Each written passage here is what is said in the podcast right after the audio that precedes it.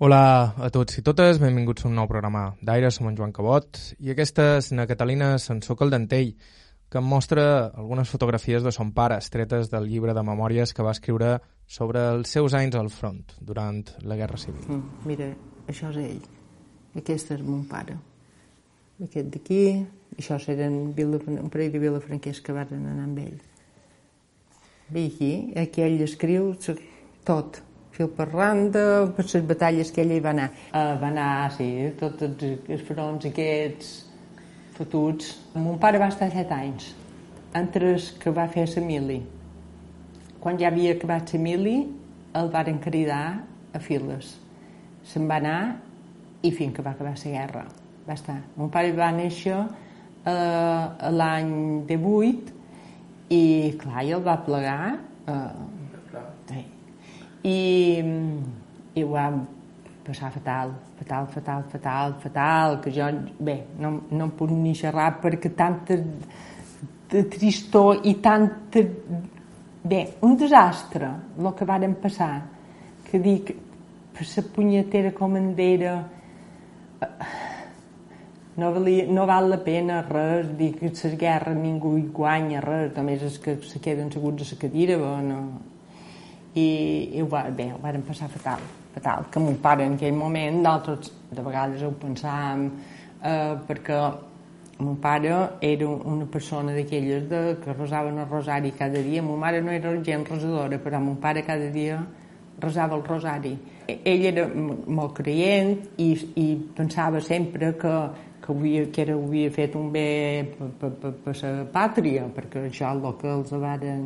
Però en, en so temps, després veient tot i tot, tot el que s'ha sabut, dic, perquè ara en els arxius de la guerra tot, tot se pot anar a veure i, i ja dic, però Déu meu, quina consciència, quin, quin, i clar, més normal que mon pare això ja no ho ha sabut, però moltíssimes de coses se van saber i veure que, que ells s'havien deixat la vida. Mon pare no va estar bé mai més en la seva vida i era un, un home que, que bé,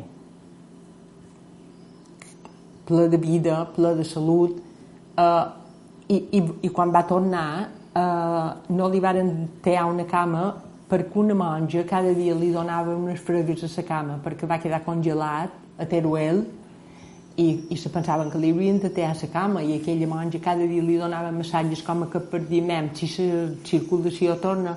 Però no va estar sord eh, perquè era d'artiller era artiller i, i veure que havien passat tot aquell marinatge per...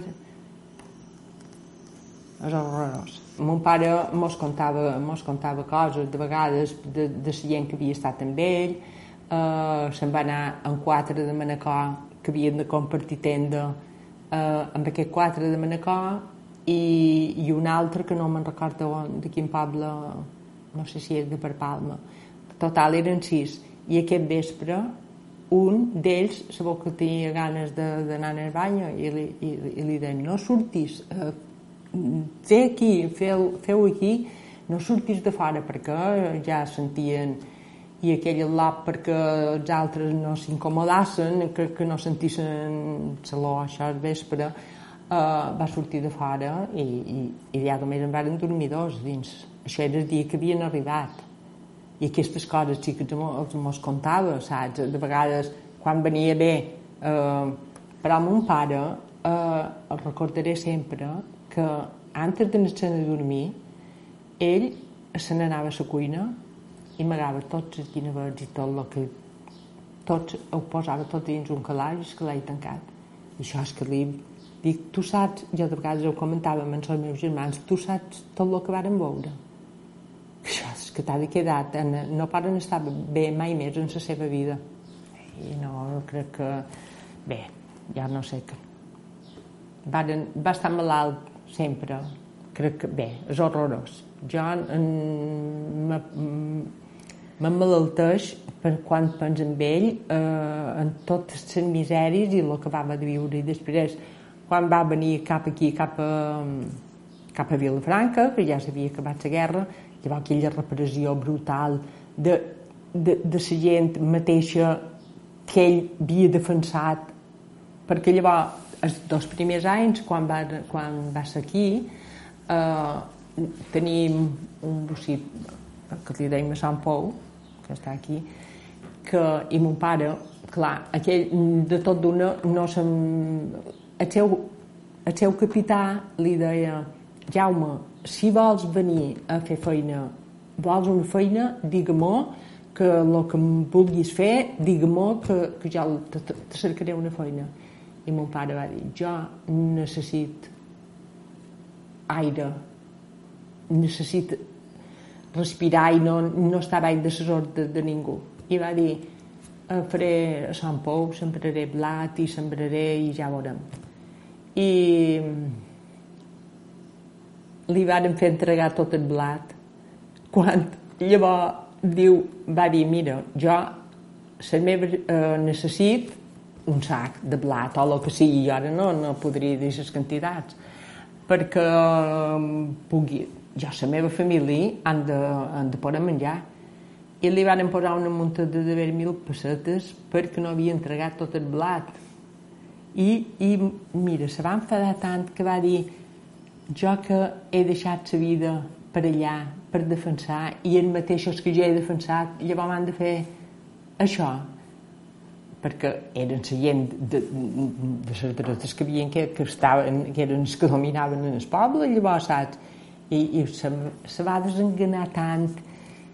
Bé, i així quan va anar llavors les coses, saps? Que, que dius, nen, tant de morts i tant de sacrifici per, per mantenir tot aquest tot aquest ganado. Res, és molt trist.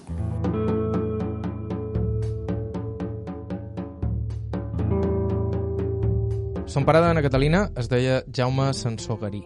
La seva experiència a la guerra el va marcar tant que molts anys després va voler escriure tots els seus records i publicar-ne un llibre amb l'ajuda del seu fill, l'historiador Jaume Sansó Caldentell. És el llibre que precisament m'està mostrant a Catalina. Ell em parlava, de vegades anant eh, nins li deien a predir i, i que per i les bombes, perquè els al·lots, les pistoles i les bombes, els meus fills, a predir mos contau i mon pare els deia no, no, d'això no n'heu de voler saber res perquè això només du misèria i morts diu, i bé, i els hi contava de, jo que sé, que s'hi havien anat un dia que se n'anaven eh, que estaven allà i varen veure una cuina perquè llavors sabeu que els que anaven en les cuines passaven per damunt un pont i sabeu que eren de republicans i, i passaven per damunt un pont diu, i els que estaven allà a les ordes varen dir eh, són republicans que feim, que feim i, i, i, diu, i, i el seu capital va dir ah, no veig que això és una cuina, deixeu-los fer deixeu-los fer que se'n vagin. Saps? veure que, que la vida de les persones era res. Era terrible i, i, i ell va voler escriure un llibre que el meu germà en Jaume i el meu fill li varen ajudar eh, a posar-lo net i tot, eh, bé, li varen tra traduir en català sí, perquè ell va, anar, va estar dos anys a, a l'Escorial que, que estudiava. I però escri, havia escrit tota la vida en castellà i li van el meu fill, en Jaume, germà, eh, li van ajudar a, a traduir.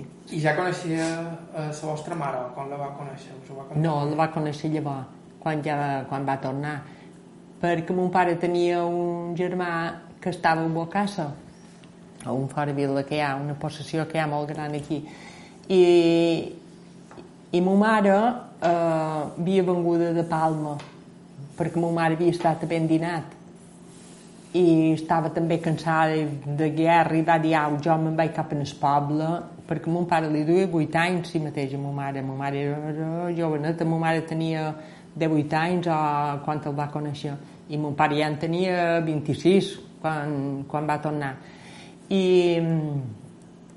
i anant a casa seu germà ma mare havia anat a fer feina a casa seu germà i, i li va dir i qui és aquesta? I li va dir, no, és de Vilafranca. Li va dir el seu germà gran, perquè aquest era el germà major i mon pare era petit.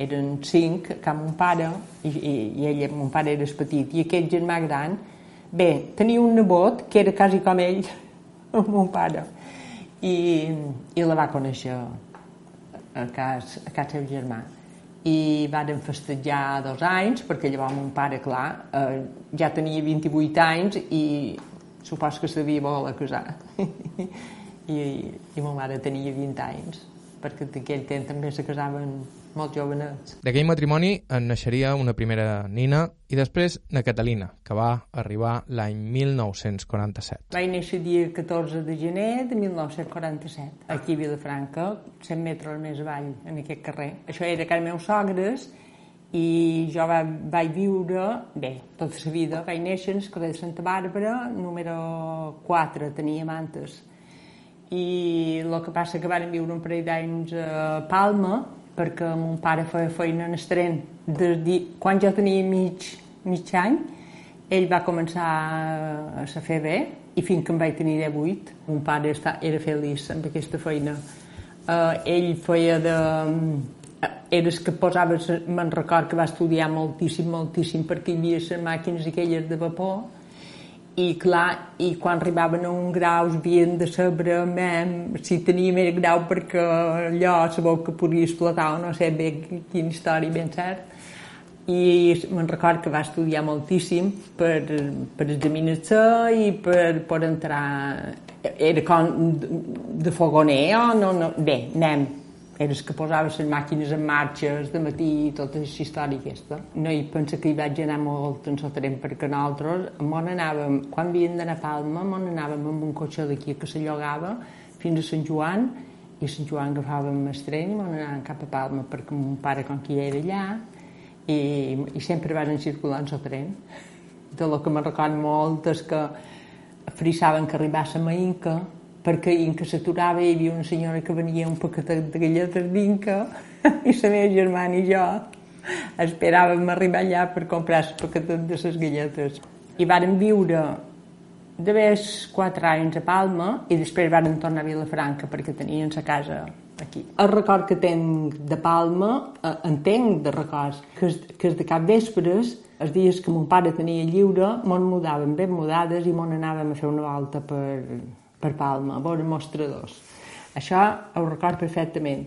I de, hi havia una gentada que, que passejava, així com ara, quan, tot, quan tanquen les tendes, queda desert que fa por, i deia, ho record moltíssim en això, que anàvem a passejar i on anàvem fins a Narbon i a veure fins a la, a la murada anar a veure la mà, això ho record moltíssim de, de, de l'ambient que hi havia, de la gent que passejava, això sí que me'n recordo. Persona espanyola, per allà vàrem estar perquè ma mare sempre va ser de negoci i, i va agafar una, va posar una botiga però, i clar, perquè mon pare estava a Palma i, i li anava molt bé, mon pare la podia ajudar moltes d'hores i, i estàvem allà a Palma, però eh, mos varen entrar a robar dues vegades i ma mare va agafar tanta de por que, que, que, que era una pandilla que hi havia per allà i va agafar tanta de por que al final va dir Jaume, mmm, jo no puc estar més aquí perquè eh, venien unes veïnades a vespres que mon pare de vegades se n'anava a les 4 de la matinada o a vegades, jo que sé, tenien aquells horaris que, que havien d'anar i ma mare tenia tanta de por amb la meva germana i jo que érem jo un bebè i la meva germana que me du un any i mig i, i venia una veïnada a dormir amb ella quan mon pare se n'anava. I van dir, mira, això i ma mare tenia tanta de por que va dir m'ho tornant cap al poble i ja i va ser quan ma mare llavors va anar a aprendre de brodar a Can Banquer allà en el carrer Colón i se va, se va comprar una màquina de brodar i, i va venir cap a estar aquí a Vilafranca i va posar el taller ensenyant a, a gent a, a fer feina. I doncs mon pare feia feina en el tren i ma mare tota la vida va tenir un taller de brodats que jo vaig fer feina amb ella fins fins que ella se va jubilar i el meu germà i jo vàrem dur el taller fins a... jo fins que me vaig jubilar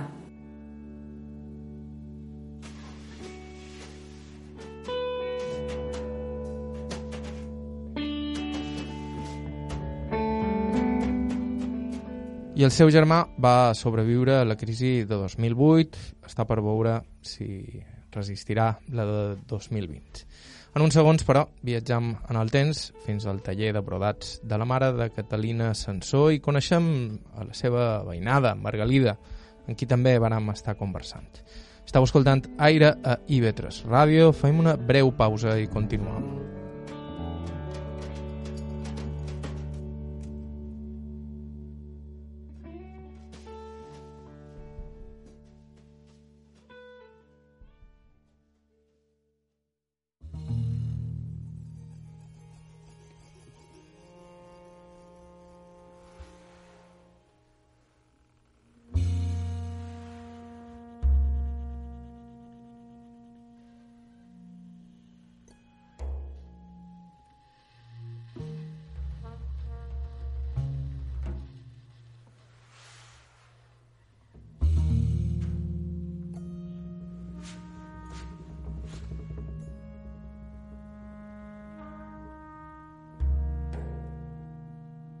Hola de nou, estàu escoltant Aire eh, IB3 Ràdio. En el programa d'avui som per Vilafranca, conversant amb Catalina Sansó. Son pare va ser soldat i va estar destinat al front i va tornar bastant tocat a Mallorca, on faria feina en el tren.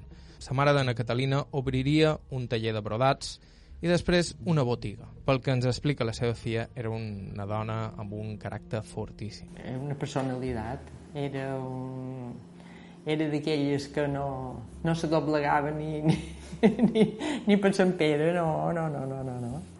Ma mare tenia molt de caràcter i, i bé normal, perquè mon pare ho va passar fatal, perquè clar, llavors eh, va tenir temporades molt dolentes perquè no estava bé, eh? va, va, va passar fatal, va estar molt malalt i ma mare no se va arrufar per res, vull dir que encara que tingués que mos tingués a tots nosaltres, que tingués, érem els quatre grans, diguem, perquè quan, com t'he dit, en Jaume va néixer que jo tenia 17 anys, vull dir que, no, que ja eren grans, i els altres van anar a estudiar, i si havien d'anar a estudiar ella, treia feina d'allà on fos per, per tirar per en, cap endavant. Eh? Quan va ser que vareu començar a ajudar la vostra mare a aprendre a cosir? Mira, tota la vida, jo sempre me'n recordo i sempre ho conto, això, que quan ja veia que tothom allà repuntava i que tothom brodava i vaig dir i un dia vaig dir a ma mare me deixes que, que ho provi, me deixes que ho provi? Ma mare me deia que no, perquè no, no, no, que, que te ficaràs l'agulla no, no, no.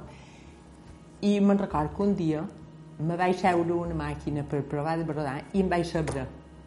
I no de tant que ho havia vist sempre havia estat en les màquines i en les lotes tot d'una que tenia, que sortien d'escola ja era allà perquè elles contaven coses de, de nòvios i, i de, de, de, de si havien anat al cine i, i clar, jo m'encantava escoltar allà, a fer de xafardera segur, i me n'anava allà i els mirava quan brodaven i, i me record que jo em vaig saber i, i ja vaig continuar. Quan vaig acabar l'escola, que, que aquí només podies fer graduat escolar, i, i, i jo ja estava, i, i vaig continuar en el taller. Quan eh, els predins ja no hi van ser, els predins aquest de, de que mon pare, a casa, aquesta que t'he dit carrer Sant Martí era de mon pare, i, i vàrem posar un, una botiga de una messeria i tenien la messeria davant i les lotes brodaven a la banda de darrere, allà després on van tenir les màquines. I, i clar, entre, entre la botiga i, i lo dels brodats eh, sempre vaig estar ben ocupada. No? Fer de cosidora era una feina bastant habitual entre les dones dels pobles. Dones que duen la casa, donaven una mà al camp i a sobre aprofitaven els temps morts per intentar fer algun dobler brodant. Les joves anaven a aprendre a tallers com el de la mare d'Anna Catalina i a tots els pobles n'hi havia uns quants així que se dedicassen a ensenyar, n'hi havia mm, dos o tres aquí a Vilafranca.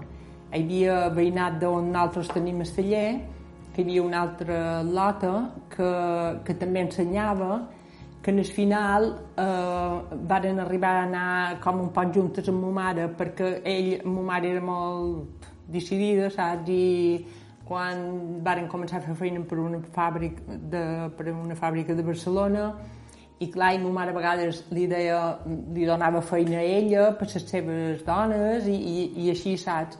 I llavors n'hi havia una altra eh, que també m'apareix que tenia també un parell de dones així que, doncs, que ensenyaven de brodar i aquestes coses. Nosaltres, varen, quan ma mare varen començar a fer feina així a Barcelona, eh, feien manteleries.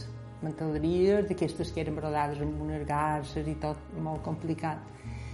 I, i el que varen fer moltíssim però a mils de dotzenes de mocadors. Els hi brodaven unes puntes i a, a Vilafranca a hi havia 90 o, o més dones que, que brodaven a casa seva perquè llavors eh, compraven una màquina i, i la podien pagar així com anaven a fent feina. I va arribar, va arribar a haver-hi, jo què sé, una quantitat grossa de, de dones perquè no hi havia res més, en els pobles les dones anaven a, a fora vila i clar, i això era com una feina que tenien que la podien fer que seva i fins que llavors va començar a estudiar-me de veres que varen començar a anar als hotels. Tothom havia brodat com a extra, diguem, perquè llavors tampoc no, en aquell temps ningú pagava eh, mem, el que guanyaven, jo me'n record que ma mare anava a una comissió, no sé, que, que, que, que feia més feina ella, que jo, un, un dels records que tenc és que jo me despertava, a millor que, que encara veia, estava fosc, i sentir la màquina de ma mare que brodava, que potser s'aixecava a les 6 de matí, jo, a l'hora que se despertava i se n'anava... Eh, quan nosaltres ens aixecàvem de dormir, eh, ella ja havia fet tot el que havia de fer. I va fer molta, molta de feina. Al taller de sa mare no eren moltes al·lotes, però sempre hi havia moltíssim ambient. En el taller no, no molta de gent, perquè venien aprenent, no? Hi havia gent que potser aquestes que, que només feien les puntetes dels mocadors, com que eren unes màquines que feien el zigzag i, i només havien d'aprendre a controlar el tambor i, i ja està. Aquestes potser estaven una setmana o dues i ja, ja, ja se n'anaven però n'hi havia més que aprenien de fer les garces, d'aprendre de fer teixit, bé, el més, el més complicat, que he brodat de Richelieu i tot això. I aquestes, a lo millor, estaven un any, oh, jo què sé, fins que, fins que un dia deien eh, m'han dut la màquina, perquè aquestes, sí, eh, era, era molt divertit. Aquelles al·lotes passaven un gustet de venir perquè eh, cantaven, escoltaven la ràdio, me'n record que escoltaven una, novel·les que feien a la ràdio, Ràdio Mallorca, eh, una que se deia Ama Rosa o no sé què, i ploraven i, i aprofitaven de, de fer una cosa que poguessin tenir la màquina aturada per entendre saber de lo que deien a la novel·la i cantaven aquestes cançons, jo m'encantava escoltar-les. Cantaven cançons com de romansos i d'allò de, jo que sé, de, de misèries, de, de quan se, fa, se fue a la guerra i allò que, que dolor, que dolor, que pena, i bé, aquests romansos que deien elles i, i cantaven aquestes cançons. Llavors, eh, mon pare va comprar, mon pare i mon mare van comprar una ràdio i llavors la ràdio no et vulguin ni saber perquè cantaven Antonio Machini i tota aquesta gent i, i el boleros de los Panchos i elles cantaven més que la ràdio però, sí. i feien moltes hores de feina no, no moltes, es venien es de matí, a lo millor, perquè en aquell temps, eh, clar, els pares a lo millor se n'anaven a fora vila i, i moltes de les que venien eh, se quedaven a casa seva però havien de fer dinar, saps? I a lo millor quan venien ja el tenien fet. O a les 12 se n'anaven a fer-lo i saps, venien aquestes hores que, que eren com unes hores que se suposava que havien d'estar per casa seva. I, i llavors de cap vespre quan havien dinat tornaven i fins fins a vespre o sí, fins de cap vespre de tot. Me'n record que en l'estiu quan feia ombra en el carrer, treien les màquines en el carrer i, i brodaven allà i cantaven a, en el carrer. Me'n record beníssim d'això.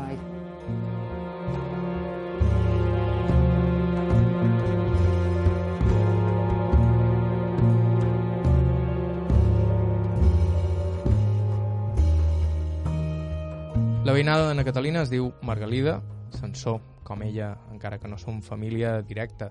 Si són molt amigues i varen compartir ofici. Na Margalida, amb qui també vàrem estar conversant, és un parell d'anys major i recorda perfectament com les dones, gràcies a les màquines de cosir, van poder fer algun duro per complementar la feina fora vila. Fe, tothom era fora vila. Tothom, tothom, tothom, tothom. Quan jo era joveneta, tothom anava fora vila. Tothom. Jo també anava. Però si mateix d'aquella manera, mon pare me tenia un poc vaciada i... Però llavors van venir que les lotes varen començar a brodar i a fer un altres, altres feines que podien guanyar i no anar a fora vila. Na Margalida no va aprendre a cosir amb la mare d'Anna Catalina, sinó que ho va fer en el taller veïnats. Hi havia una, una veïnada seva que li deien na Garcies i na Garcia, na Margalida Garcia era famosa en el poble i, i feia, jo hi feia feina, jo hi vaig aprendre de brodar. No, no vaig anar a Cana Catalina. Però llavors, que ja era casada, hi vaig fer un poc de feina per Cana Catalina, per Cana Catalina. Ell duia molt de negoci i d'això de brodar sa mare. Sa mare va... Eh, era molt, molt decidida, sa mare. La història d'Anna Margalida i la d'Anna Catalina van paral·leles i es creuen aquí i allà però també hi ha detalls que la situen a un i altre extrem de la vida. Per exemple, si son pare d'Anna Catalina va combatre en el front pels nacionals, son pare d'Anna Margalida venia d'una família pagesa i d'esquerres. Ella va néixer l'any 1933. Va néixer l'any 33, el 13 del 5, a Villafranca, sí. Sí, sí, som villafranquera de tota la vida. Va néixer una finca que teníem que se diu Badellet, d'entre per la carretera de, del de, de cap a Falanich, un quilòmetre. 30 quarterades. Era de, del meu padrí, que llavors va perdre, aquesta va no sé què va passar i se va perdre. Jo hi vaig néixer, meu, jo tenia un germà que se va morir en de 8 anys i també hi va néixer. I hi van néixer tots dos. Mon mare venia, els seus pares venien de, de, de, de Son Carrió. Tenen la família Son Carrió. O tenien, perquè ara ja tothom era mort. Mon pare no, mon pare era natural d'aquí en tota la família. Blat, ordi... Mon pare sempre va tenir una guarda d'ovelles, sempre va tenir ovelles, li agradaven molt els animals. I, i feien patates, i feien un pot d'or per, per la casa. Sí. I mon mare era molt dels animals, i teníem andiots, àneres, galines, teníem de tot. Això, llavors la guerra, va anar bé perquè els qui tenien, els que conràvem, els que tenien terra, menjaven pa, per lo menos. I els que no en tenien, ho passaven malament, ho passaven molt malament. Jo vaig néixer l'any 33, tenia 3 anys quan vaig, vaig tallar el moviment. Jo el que tenc records, perquè casa meva padrina eren molt d'esquerres. Eren d'esquerres i tota la família ho som. I, coses que he sentit a dir, coses que... Però jo de record, no, no. Jo per el Badallet eh, hi havia un parell de, de, quan va estallar el moviment, per por se refugiaran per fora vila i se refugiaran per Can Nostra i ma mare els feia menjar, menjaven a Can Nostra. Sí, però de tot això jo no me'n recordo. No, en canvi, me recordo, tenc record de la casa, de la casa així com estava i això. Però bé, nosaltres vam venir de, de, del Badilla que jo tenia cinc anys. I en aquesta edat comences a tenir un pot de record de, de les coses, però no molt. Vaig tenir un pare molt bons, molt bons, molt. Ma mare era un àngel, era un àngel. Ma mare li deia Maria del Badillet. I era, i era filla, i era germana d'11 doncs tenien, tenia 11 germans. I mon, pa, i mon pare, mon pare en varen tenir també 11, però se'n varen morir 5. També n'hi havia 6 de, de vius. Res. En aquell temps havia molt de lots. No és igual d'ara. Jo me recordo que no tenien ni escusat. Teníem una bassa i mon pare va dir han de fer un escusat. Bé, varen fer un escusat amb una port. Els carrers no estaven asfaltats. Les ceres no estaven fetes ha canviat molt, molt, per bé. però bé, no hi havia cotxes llavors. En tot el poble n'hi havia dos, en tot el poble. Com han dit, a Cana Margalida tota la família era d'esquerra, sobretot per la influència del seu padrí, que malgrat les seves idees va aconseguir escapar de la repressió franquista en part gràcies a que era algú molt admirat dins el poble. A casa seva sempre es va parlar de política, sense por. Una altra cosa era, quan sorties al carrer, que tocava callar. El meu padrí, bé, tots els seus amics, un va ser balde, l'altre va ser... bé, tots. I ell va ser concejal estent de la república. Era molt amic d'en Sancho, que és un, que, un metge que varen matar, i un que li deien Miquel Capó, de, que era de Mora, que també el varen matar, que era el secretari de l'Ajuntament. Però no, no va passar res, perquè en el meu padrí li tenia molt de respecte, era un home que tenia molta de l'àvia, tenia molt de coneixement, que hi ha un llibre que va escriure en, Jaume, en Jaume Sansom, que hi ha una referència del meu padrí. I que la va, la va escriure un que havia estat de missatge amb ell. Per el meu padrí va estar a possessions, va estar a l'Anzell, va estar a Sant Sant Andreu, va estar a la vestida de, de Porreres, d'amo, sí, era, era un home molt... tenia molta de l'àvia, deien que quan xerrava la gent se, se callava per escoltar-lo, jo d'això me recordo, això sí que Era un home molt brillant, li agradava molt la música, llegia molt, llegia moltíssim. Era un home molt instruït, per això en aquell temps.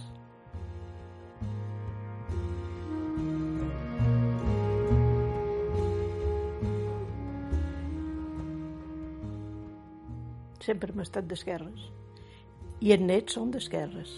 No t'ho perdis. No t'ho perdis. Tothom és d'esquerres. I el meu home no era d'esquerres. Ah, no? No, perquè que seva no ho eren. Però hi va tornar. Digui, digui, digui, digui o, o me'n vaig o crec.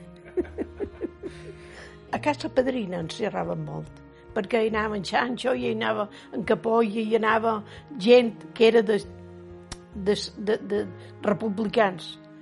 I, i això és, mm, tinc un pot de noció, però poca cosa. El que tenia una tia, una tia Federina, que va ser com a ma mare, perquè ma mare se va morir molt, que jo era joveneta, i, i, i me contava coses, el que ara ja no me recordo, però moltes coses. Me recordo que, que me contava que una vegada que son pare era el Badillet, el padrí, i, i varen dir cerca de l'home Francesc Panxeta perquè nosaltres demà no som panxetes. I, i elles a peu se'n van anar a corrent de cap allà per avisar son pare que s'amagàs. Això, cosa d'això estem de, Sí, això, això me'n recorda. Tenia un tio, un tio que era petitet, germà de mon pare.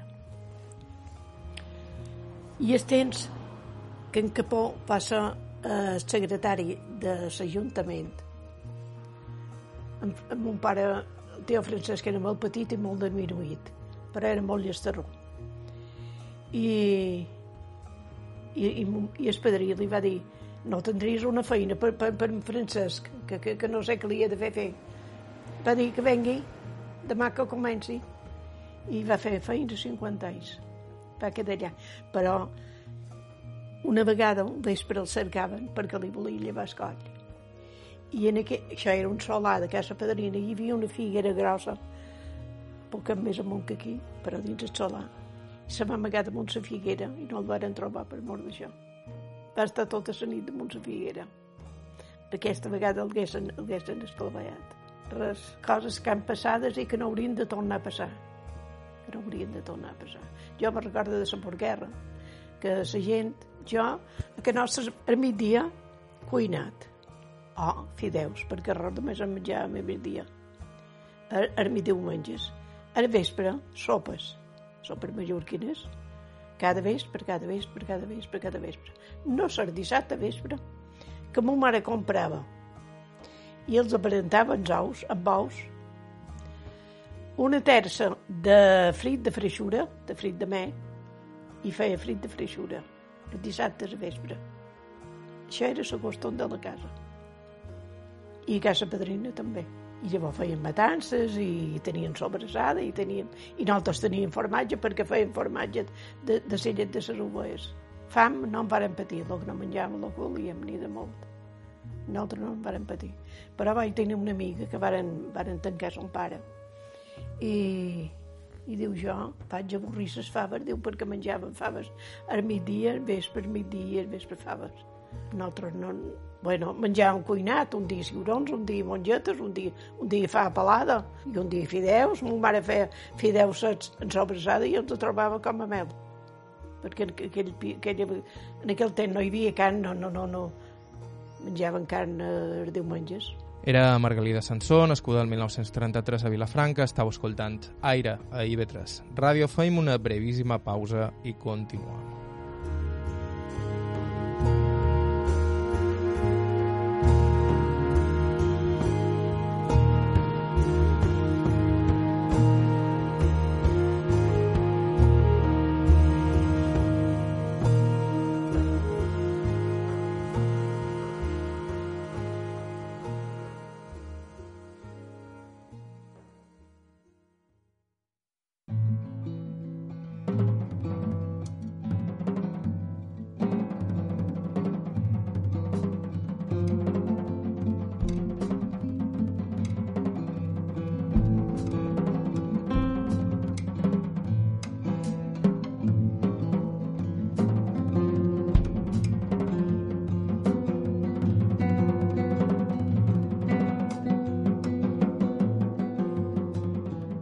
Hola a tots, estàu escoltant Aire a IB3 Ràdio. Abans de continuar, vos recordam que podeu escoltar aquest programa des del principi i qualsevol dels nostres programes anteriors a ib3.org i ib3alacarta.com i que també vos podeu subscriure al nostre podcast a qualsevol dels serveis habituals. En el programa d'avui estem escoltant els testimonis de dues amigues i veïnes, Catalina Sansó i Margalida Sansó, totes dues de Vilafranca, la primera escuda el 1947 i la segona el 1933. Dues amigues que viuen porta en porta i que amb el temps s'han fet inseparables. Tot i haver viscut vides molt diferents en alguns aspectes i molt semblants en altres. Per exemple, totes dues varen estudiar molt poc, menys del que haguessin volgut, tot i que totes dues són molt aficionades a la lectura. El que succeeix és que aquells eren mals temps per a les dones que volien estudiar. Aquesta és na Catalina. Vaig anar a escola fins que, bé, fins que vaig tenir 14 anys. Jo volia estudiar, però mon pare no volia que me n'anés a Estavalmo. jo sempre li dic, sempre li deia a mon pare és que no te fiaves de jo. I, i ell li va saber molt de greu. Jo no n'hi parlava perquè a, a, a, a la llarga li va saber moltíssim de greu, no no de, m'ha deixat que jo me n'anés perquè els meus germans que venien darrere jo tot varen estudiar. I, i jo que en tenia tantes de ganes no, no me varen deixar. I, i jo ja no n'hi parlava perquè a la llarga ell li sabia moltíssim de greu, però en aquell moment les dones estaven a casa seva sí, i, i no, no, no, no vaig estudiar per això. Era bon estudiant, llavors. Uh, sí, sí, m'anava bé. I jo què sé, m'ha agradat molt sempre llegir, sobretot història. I aquesta és na Margalida, que va poder anar a escola, degut sobretot a la malaltia de la seva mare que va morir jove. De la mateixa malaltia, de fet, que també va endur-se el seu germà gran. Així que ella va haver de fer-se càrrec de la casa. Que no sé com els feia, però tenia aquestes dues ties que m'ajudaven molt. Molt, sí. Sí, me varen ajudar molt, me varen ajudar. Jo els estimava molt. Se varen portar molt bé, molt bé. Quan se va morir el meu germà, com que ma mare estava malalta, van dir venim a estar a nostra i fins que ta mare estigui més bé, eh, tothom hi cabia allà. Que és la padrina de la part de mon pare. Eren molt, molt esplèndids. Feien molt bon menjar, eren molt bones cuineres elles. Molt bones cuineres eren. Feien el menjar molt bo. La padrina feia unes llenties, però boníssimes. Jo el dic fer igual d'ella, però no me surten tan bones un cuinat boníssim. Llavors feia, me recorda, unes cuixes de conill metjades, com era de rostit humit, però ho feia d'una olla tapada i amb poc foc, xu, xu, xu, xu, xu, xu, i era boníssim. Sabien, sabien cuinar i un, i un bunyol de vent, però boníssims, també feia la padrina. I la tia Catalina feia les sopes, sopes seques, sopes de matances, diré jo. Eren molt bones cuineres.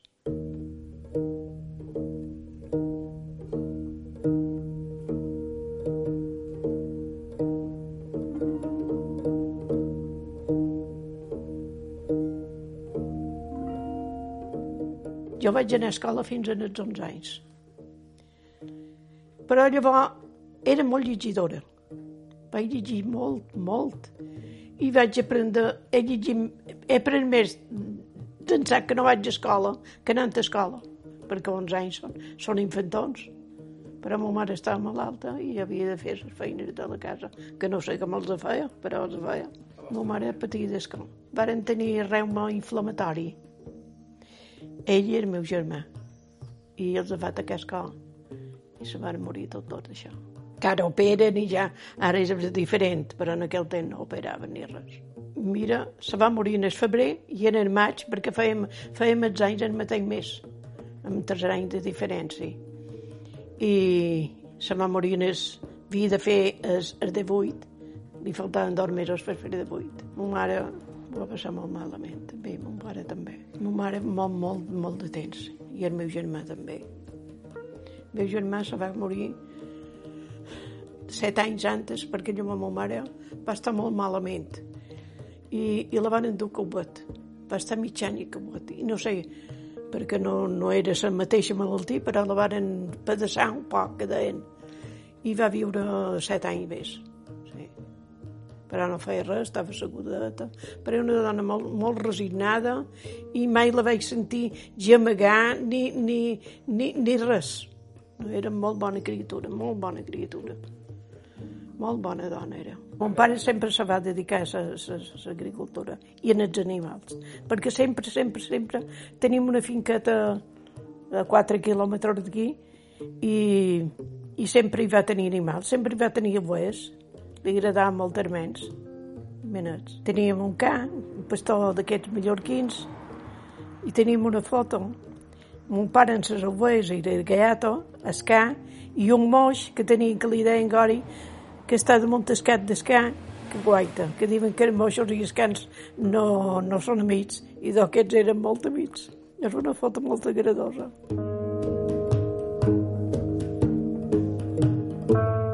Quan la seva mare es va posar molt malalta, na Margalida i son pare van anar a viure amb la padrina i les ties i va estar amb elles fins que es va casar. Mon pare tenia dues germanes que eren fadrines i sa padrina, i sa padrina era un encant de dona també. I on vam estar a casa padrina i vaig estar veure dos anys. I llavors vaig venir, vàrem venir aquí. I llavors ja me vaig casar. Jo, jo el coneixia de tota la vida. Era d'aquí, mos coneixíem. Eh? Varen festejar tres mesos, perquè varen començar a festejar de tots sants. I jo li vaig dir, o mos hem de casar o no tornis. Perquè en aquell temps, si te ves que el nòvio entrava, tothom parlava, i vaig dir, jo no vull passar aquesta pena, ara tant mateix mos hem de casar, mos hem de... I mos varen casar eh, eh, dia 15 de, de gener. I en el, 9, i en l'octubre van tenir la nina. Així és que varen fer l'any complet. Vaig tenir una tia, la tia Catalina, que va festejar 30 anys. 30 anys? 30 anys. Se van començar a festejar quan jo vaig néixer.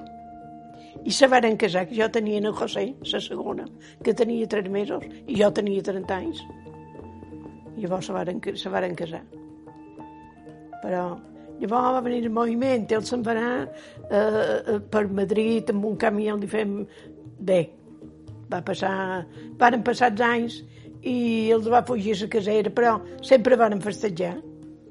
I al final se van casar. I llavors, amb un any se van morir tots dos. Varen viure 10 anys van viure junts. Ella no va voler esperar gens. En només tres mesos ja era casada.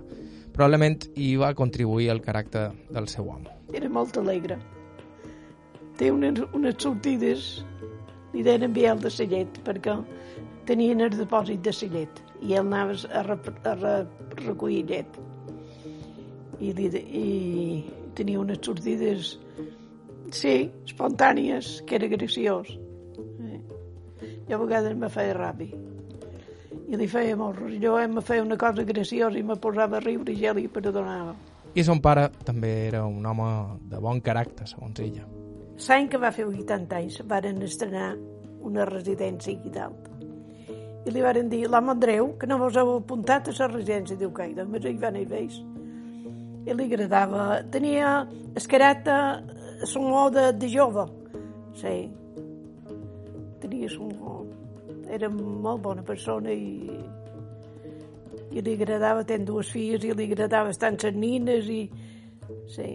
Amb aquestes dues filles, Farres va fer un viatge pel sud de França. Les va acompanyar la seva veïnada, la Catalina. Tot queda en família, encara que sigui en família empaltada.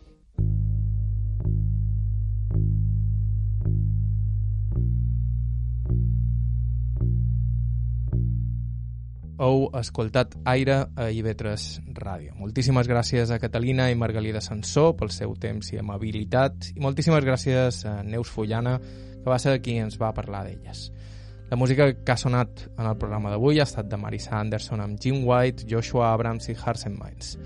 Podeu escoltar aquest i tots els nostres programes anteriors a ib3.org i ib3alacarta.com i també vos podeu subscriure a Aire, a Apple Podcast o qualsevol servei similar.